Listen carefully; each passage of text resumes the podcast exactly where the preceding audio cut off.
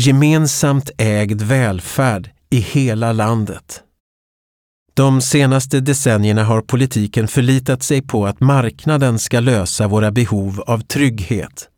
Men marknadslösningar har urholkat vår gemensamma välfärd samtidigt som en allt större del av våra skattemedel går till administration och kontroll. Privatiseringar har lett till dyrare elpris, att apoteken flyttar från landsbygd till städer och från fattiga till rika områden.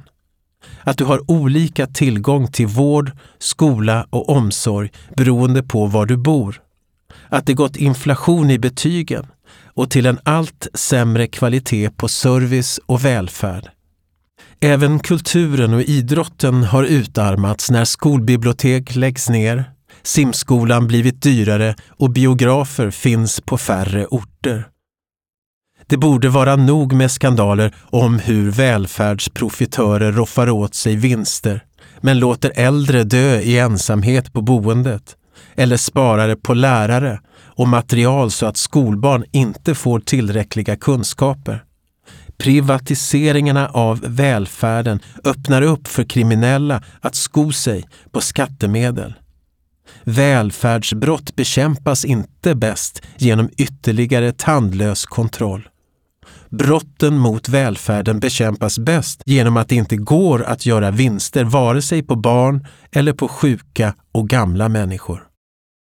En betydande majoritet av Sveriges befolkning vill sätta stopp för de nyliberala privatiseringarna och stoppa vinstjakten i välfärden. Trots det är det bara Vänsterpartiet som går i takt med väljarna. Vänsterpartiet vill införa ett totalförbud mot alla vinstdrivande verksamhetsformer inom välfärden. Men motståndet från många partier är stort och intresset från andra partier är halvhjärtat.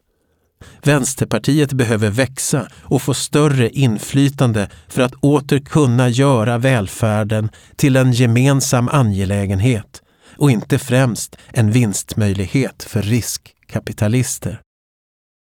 De massiva skattesänkningar som genomförts av högerpartier och socialdemokrater under många år har resulterat i att det nu finns 350 miljarder mindre per år till välfärden än 1990. Därför är det färre som jobbar inom välfärden trots att vi har blivit fler i Sverige. I takt med att skatterna på de mest förmögna minskat ökar trycket på lokal och regionalpolitiker att höja skatten för att slippa skära ner ytterligare. Det är en omvänd fördelningspolitik där pengar flyttas från allas vår välfärd till ett fåtal redan rika. Eftersom välfärdsyrkena är kvinnodominerade så slår neddragningarna särskilt hårt mot kvinnors arbetsvillkor och möjlighet till makt och inflytande. En fungerande välfärd, såsom bra förskola och trygg äldreomsorg, är också en förutsättning för att många kvinnor ska kunna lönearbeta istället för att göra traditionellt hemarbete. Vänsterpartiet har en skattepolitik som ser till vilka behov som finns och där de med stora kapitaltillgångar eller höga löner får bidra mer till välfärden än de gör idag. Vi vill inte höja skatten för vanliga löntagare utan för mångmiljonarv, lyxvillor och stora aktievinster som man inte ens behöver jobba för. Vänsterpartiet har en fördelningspolitik som gör att samhällets rikedomar kommer fler till del. Istället för rutbidrag till städning hos fullt friska personer så kan vi använda skattekronorna till att förbättra hemtjänsten. Istället för pengar i fickan på de privata skolbolagen kan vi satsa på att alla barn ska få en bra utbildning. Istället för fortsatt ökade klyftor kan vi göra Sverige mer jämlikt. Kultur, som konst, musik och film bidrar till att skapa ett rikare samhälle att leva i för alla. Det är viktigt att kulturen står fri från såväl kommersiell som politisk styrning och finns i hela landet. Kulturen spelar en viktig roll och är en del av välfärden. Kulturen kan spegla samhället, motverka segregation och klasskillnader. Välfärden är samhällets ansvar och borde styras demokratiskt. Det är politikens uppgift att se till att den fungerar, kommer alla till del och att de anställda ges inflytande.